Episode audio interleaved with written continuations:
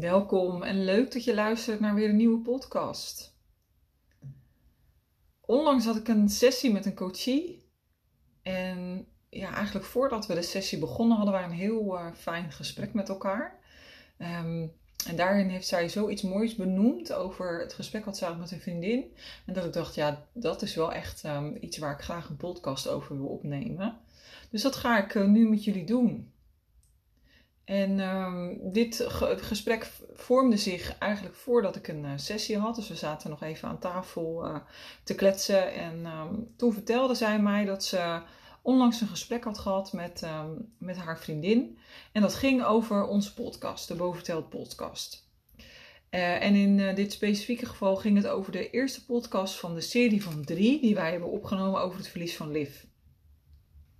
Mocht je nou voor de eerste keer uh, intunen, um, dan kun je die natuurlijk terugvinden op ja, onze podcastserie. We hebben een serie van drie opgenomen over het verlies van Liv en over hoe wij die rouw ervaarden. Um, omdat we waren geïnterviewd door Maartje Lutte van het uh, magazine Nel. En wij dachten, hey, is misschien gelijk een mooi moment om uh, ons verhaal uh, de wereld in te brengen over ja, hoe wij Liv hebben ontvangen, hoe we haar hebben los moeten laten en hoe wij dat um, in liefde hebben kunnen doen. Um, en dat gesprek ja, was heel bijzonder, want ze raakte mij ook heel erg, omdat ze vertelde over wat haar geraakt had. En over hoe zij dus nu anders naar dingen durft te kijken. Uh, omdat ze dus naar ons geluisterd had.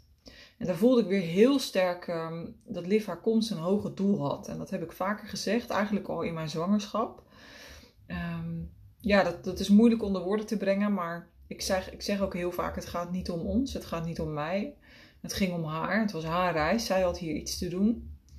Um, ja, dat had een hoger doel dan dat wat wij al vertellen een verhaal wat Ernst Jan en ik al deelden, maar wat nu nog zoveel mooier, krachtiger en licht, lichter is geworden door de geboorte en misschien ook wel het overlijden van Liv. En dat klinkt gelijk gek hè, als ik dat zeg, dat iets heel mooi is, ondanks dat je je kind niet bij je mag houden, maar dat is dus wel hoe we het ervaren. Um, en dat kan dus naast het rouwen en het verlies en het verdriet staan, die je als, uh, als ouder hebt. Uh, maar voor ons bestaat dat dus naast elkaar. En het mooie was dat dat gesprek tussen die twee vriendinnen hele mooie vragen uh, had opgeroepen. Um, en dat een van de twee dus had gezegd: Maar hoe kunnen ze dit doen? Hoe kun je nou leven vanuit liefde? Hoe kun je vanuit liefde luisteren naar je gevoel? En die vraag die wil ik dus heel graag beantwoorden in deze podcast. Laat ik beginnen met te vertellen dat ik niet al heel mijn leven leef vanuit liefde. Uh, klinkt natuurlijk echt uh, heel mooi, hè? leven vanuit liefde. En als we dat allemaal zouden doen, dan zou de wereld er beter uitzien, zouden geen oorlogen meer zijn, et cetera. Uh, nou, ik, dat is ook mijn wens voor de wereld. Um, alleen ik heb inmiddels al geleerd dat um, ik ook, ook ik klein moet beginnen. Dus um, ik heb niet heel mijn leven geweten hoe ik kan leven vanuit liefde. En op dit moment doe ik mijn best om in het hier en nu vanuit liefde te leven. Maar ook dat is soms heel moeilijk. Want ook ik ben geneigd om te oordelen. Ook ik heb moeilijke dagen. Ervaar onbegrip. Voel me soms niet gezien. Nou, zo zijn er natuurlijk nog talloze dingen die ik nu zou kunnen benoemen. Maar ik kan wel zeggen dat leven vanuit liefde voor mij de basis is geworden van mijn zijn. Alleen soms kan ik dat dus niet zo uiten omdat ik dus dingen ervaar die ik moeilijk vind, waardoor het gewoon heel lastig is om dat heel erg vanuit liefde te benaderen. Ik denk ook echt dat het een leerproces is voor het leven. Um, en daar heb ik heel lang mee geworsteld, omdat je dan eigenlijk, ja, ik noem dat inmiddels mijn aardse stuk, heel erg wilt dat dingen kloppen, op zijn plaats vallen en dat het gewoon heel makkelijk gaat. En ik denk dat dit wel een proces is waarin je soort continu jezelf moet spiegelen en reflecteren. Dus voor mij is het inmiddels oké dat dat een ongoing process is. Maar, um, en weet dus ook dat als je, als je na deze podcast beslist van oké, ik wil me daarin gaan verdiepen en ik wil ook zo leven. Dat dat er soms ook voor zorgt dat je het even niet weet of even niet voelt. En dat is ook echt oké. Het is echt oké dat het soms even niet oké is. Voor mij begon het leven vanuit liefde eigenlijk voor het liefhebben van mezelf. En um, doordat ik jaren geleden startte met ondernemen en echt volledig op mezelf was teruggeworpen, kwam ik dus mezelf enorm tegen. En ehm, ja, achteraf kan ik wel zeggen dat het kleine meisje in mij zich allerlei overtuigingen had opgelegd. Waardoor de inmiddels volwassene versie van mij tegen een muur opliep. Overtuigingen door dingen die ik had meegemaakt in mijn leven. Dingen zoals me anders voelen, me niet gezien voelen door mijn vader. Onderschat worden door mensen in mijn omgeving, eh, in de dingen die ik zei. Um, ik ben altijd heel erg uh, sensitief geweest, dus ik kon heel erg goed voelen of iets niet klopte. Uh, maar kon daar moeilijk woorden aan geven. En op het moment dat ik daar dan woorden aan gaf, dan was dat dus blijkbaar zo onduidelijk voor mensen. Of zo niet kloppend dat men zei: ja, nee, dat klopt niet. Of dat heb je niet goed gezien. Of um, ja, ze hadden daar altijd wel een redenering voor. Um, ja, en daardoor, um, ja, in de kern voelde ik me denk ik niet gezien. En zo belandde ik dus eigenlijk na een periode van mezelf overschreeuwen. Dus in, op een gegeven moment ben ik zeg maar rond mijn, ja, ik denk 16, nou, ik denk 17, 18e. Uh, ben ik me heel erg, heel erg expressief gaan uitdrukken. Dus ik had heel erg sterk mijn mening klaar. En mensen wisten precies wat ze op welke moment aan me hadden. En ik zag alles heel zwart-wit. Ik wilde ook heel graag gelijk hebben. Um, maar na die periode volgde een periode van mezelf onzichtbaar maken. En dus het belang van anderen voorop zetten. Dus ik was heel hard aan het werk, omdat anderen dan uh, het, het, het, goed hadden. Um, ik zorgde voor andere mensen, maar mezelf zette ik op de tweede plek. En het gekke is dat mensen in mijn omgeving dit nooit zo gemerkt hebben of dit nooit zo ervaren hebben. Maar dat dus wel echt mijn ervaring is geweest. En als ik nu zo terugkijk, dan voel ik dat ook echt zo het voelde alsof er niet genoeg ruimte was voor mij. Terwijl ik nu weet dat ik die ruimte voor mezelf, juist mezelf niet op de juiste manier heb gegeven. En dat ik dat helemaal niet bij een ander had neer moeten leggen. Dus dat andere, dat laatste, is dus ook wat ik anderen nu leer. In liefde voor jezelf onderzoeken welke ruimte jij nodig hebt voor jezelf. Dus niet hoe een ander jou die moet geven. Nee, wat heb jij nodig? Dus leven vanuit liefde begint met liefhebben voor jezelf in mijn optiek echt ja, de basis waar je vanuit mag starten. Maar ja, ik liep dus wel tegen mezelf op. Dus dat was voor mij een reden om uiteindelijk zelf een coach eh, in handen te nemen. En ik ben toen een coachtraject gaan volgen bij een vrouw die ja, op dat moment gewoon heel goed bij mij paste. Zij was eerlijk, intuïtief, maar ook zakelijk ingesteld. En daar hield ik wel van, want uh, hoewel ik altijd wel heel hooggevoelig en spiritueel ben geweest, houd ik er ook heel erg van als mensen ja, uh, om het maar in de boventel taal te zeggen, met de poten in de klei staan. Mm. Ja, dus ik vind het ook belangrijk dat mensen dus niet alleen maar heel erg van het aardse stuk en het spirituele kijken. Omdat ik denk, ja, um, er moeten ook gewoon dingen in, dit, in deze wereld, in deze maatschappij en in dit leven. Maar we hadden een match en, en in, dat, in, in dat traject heb ik mezelf echt teruggevonden. Um, zij heeft me enorm uitgedaagd en getriggerd. En ze durfde ook de gesprekken met me aan te gaan en heeft me een spiegel voorgehouden. Dus ik durfde ook weer in die spiegel te kijken en te luisteren naar mijn innerlijke stem. En uh, het vertrouwen wat zij had in zichzelf, dat was wel echt iets waarvan ik dacht, ja, ik wil dus ook echt ooit dat zo voelen. En ik durf ook wel te zeggen dat ik dat inmiddels heb bereikt. En door de jaren heen heb ik natuurlijk veel opleidingen en cursussen gevolgd, waarvan ik een aantal intuïtief uh, ook heb gedaan.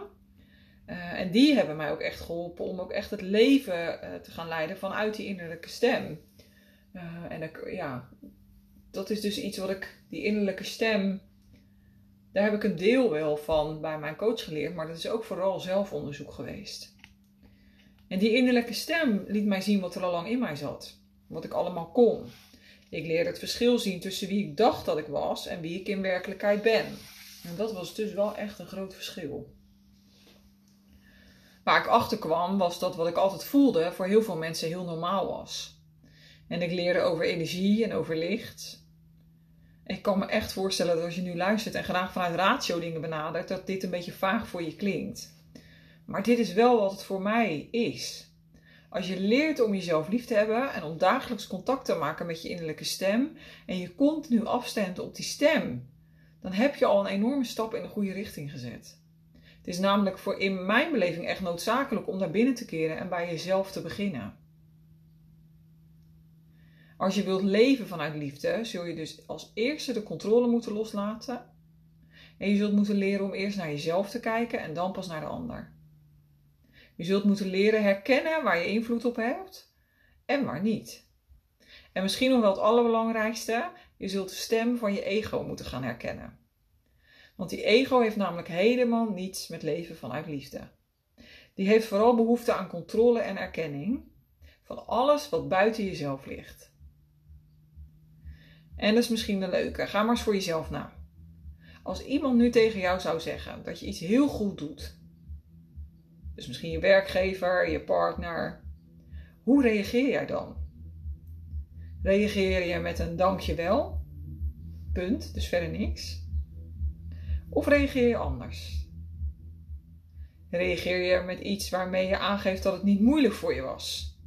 Of dat je het niet erg vond om te doen? En als je dat laatste doet, dan spreekt je ego. En die triggert jou op zo'n moment om niet tevreden zijn, om niet tevreden te zijn met het ontvangen van een compliment. Terwijl jouw innerlijke stem, jouw ziel, zo noem ik het ook heel vaak, simpelweg snapt dat je het goed hebt gedaan. Zonder oordeel en zonder verbetering. En de clue zit hem dus in het luisteren naar die stem. En die, en die, ehm, ja, die stem herkennen, dat kan je dus leren. Want die stem die bezit je. Daar word je mee geboren. Zoals je dat poppetje, ik noem het altijd poppetjes. Dus je hebt een poppetje op je schouder die de hele tijd zegt dat je harder moet werken, beter je best moet doen. Dat ja, wat zullen mensen wel niet van me denken? Oh, uh, ik moet nog meer afvallen, ik moet dit nog doen, ik moet anders doen. Uh, nou, whatever. Maar er is ook een ander poppetje. En als je goed in de wedstrijd zit, dat zeggen Ernst en ik heel vaak, als je goed in de wedstrijd zit en je durft naar dat poppetje te luisteren, dan merk je dus dat hij heel rustig is. Heel liefdevol, heel warm, er zit geen oordeel op. En het mooiste daaraan is ook nog dat hij veel minder woorden nodig heeft dan die ego. Dus als jij nu deze podcast luistert en je hebt het gevoel dat het altijd heel druk is in je hoofd met heel veel dingen qua overtuiging over jezelf, vraag jezelf dan eens: hey, is dit mijn ego of is dit mijn innerlijke stem? Ja, en ga maar eens terug naar het begin. Als je als baby ter wereld komt, wat is er dan? Alleen maar liefde. Gigantisch en oneindig veel liefde in de puurste vorm. Zo kom je ook ter wereld. Puur, liefdevol en zonder oordeel. En bedenk dan ook eens hoe het einde zal zijn. Of hoe het einde is. Misschien heb je wel eens bij mensen om je heen meegemaakt. Als mensen bewust hun laatste momenten hier op aarde beleven. Ook dan zie je de puurheid weer terug. Oordelen vallen weg. Materiële dingen zijn niet meer van belang. Er is geen controle meer, want die is er simpelweg niet op de bestemming als je op het punt bent om te gaan sterven. Leven vanuit liefde betekent naast een leerproces ook het stellen van vragen aan jezelf. Waarom doe ik dit? Wat zorgt ervoor dat ik zo reageer? Wat heb ik in dat geval nodig? Welke behoefte van mezelf wordt hier niet vervuld?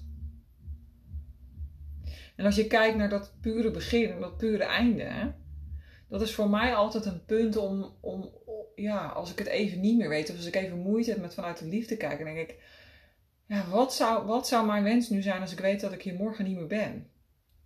En dan is toch altijd mijn wens dat ik iets heb uitgesproken, het gesprek ben aangegaan en dat ik mijn ego even aan de kant heb gezet. Mijn ego vindt vaak dat de ander dat moet doen of mijn ego voelt zich niet gezien.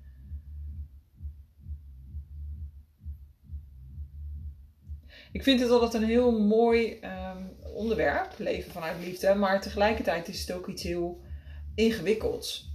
En dat is ook de reden waarom ik in de praktijk ook heel erg, natuurlijk ook met de methodiek van de honden werk, die jou heel erg spiegelen in je gedrag, maar je ook heel erg laat ervaren wat de emoties met je doen en welke behoeften eronder liggen. Want ik denk wel dat er echt belangrijk is dat je in de basis gewoon leert te zien welke overtuigingen je allemaal hebt van jezelf en welke, ja, met allerlei soorten mooie opdrachten kun je dus echt leren om te leven vanuit liefde ik zit mezelf nu ook gelijk tegelijk af te vragen van... Kun je leren te leven vanuit liefde zonder hulp daarbij van buitenaf? Ehm, ik denk dat het wel kan op het moment dat je daar de juiste boeken of cursussen online voor gaat volgen. Maar ik denk wel dat het heel belangrijk is dat je iemand om je heen hebt die in je gelooft. Die dat pad heeft bewandeld, die weet waar je tegenaan loopt. Ehm, dat is voor mij heel belangrijk geweest. Dat ik heb gezien, oké, maar jij, als jij dit kan, dan is er dus voor mij ook een mogelijkheid om daar te komen. Eh, en iemand die zonder oordeel naar je luistert. Ja, gewoon die plek waar, waar gewoon alles mag zijn. Waardoor die pure ziel zich ook weer helemaal gehoord kan laten worden. En ook daar help ik je dan natuurlijk bij. Leven vanuit liefde dus. Voor mij en voor Ernst Jan is het inmiddels echt iets wat we, ja, ik denk wel echt 80% van de tijd doen. Uh, en wij streven ernaar om dat 100% van de tijd te doen. Uh, maar wij blijven ook gewoon mensen. Dus um, ook voor ons is dat heel de tijd uh, iets wat we ja, continu ja, met zelfreflectie werken. af en toe zelf eens even wat hulp inschakelen. Of een leuke cursus volgen. Of mediteren, de rust opzoeken. Ja, er zijn natuurlijk talloze manieren voor. Het gaat natuurlijk heel erg om wat bij jou past. Denk wel dat het ehm, de eerste stap is beslissen dat je dat wil. Dat je wilt, de noodzaak voelt om het anders te gaan doen. Dat is de eerste stap. En dan komt de tweede stap. Zelfliefde is jezelf ook iets gunnen. En dat is voor heel veel mensen moeilijk, want gun jij jezelf de investering in een coachtraject? Voor veel mensen is dat een, uh, vinden dat duur. En zo keek ik er jaren geleden ook tegenaan. Um, sterker nog, ik heb onlangs zelf een, uh, een uh, personal trainer in de hand genomen. omdat ik fysiek merkte dat ik wel wat meer, weer wat meer aankom met mijn lijf. En dat ik dacht, ik heb daar goede hulp bij nodig. Iemand die echt goed naar me kijkt. ja, en goede mensen zijn, zijn niet duur, maar kostbaar. En dan moet ik daar echt ook even goed over nadenken. Maar dan ga ik dus naar mezelf en dan denk ik: gaat het er nou om dat ik vind dat het veel geld is? Of gaat het ergens andersom? En doordat ik mezelf die vraag stel, kom ik er dus achter dat het dus helemaal niet gaat om het kostenplaatje. Maar het gaat er dus om dat ik het mezelf dus niet waard vind. En dan draai ik hem dus om en dan zeg ik dus: oké, maar ik vind het mezelf wel waard. En ik gun het mezelf en mijn lichaam om geholpen te worden, om weer fitter te worden, om me lekkerder te voelen in mijn lijf. En daar ga ik iemand voor betalen. En serieus, die eerste les was al een verademing. Dus ja, stel jezelf de vraag: waarom ervaar ik dit op deze manier? Wat maakt het dat ik daar zo over oordeel? Eerlijk en oprecht jezelf die spiegel voorhouden. Vind je dat nou lastig? Dan ben je natuurlijk altijd welkom bij mij of bij Ernst Jan in de praktijk. Een snuffelsessie um, is zo geboekt. En dan heb je een uurtje de tijd om uh, met ons kennis te maken en ervaar je ook onze methodieken. En ervaar je ons natuurlijk ook als persoon. En ik denk ook wel dat dat het belangrijkste is. Want als je geen klik voelt, dan uh, is jouw plek niet bij ons en dat is ook oké. Ik wens je heel veel inspiratie toe, maar vooral ook heel veel liefde. En ik ontmoet je graag.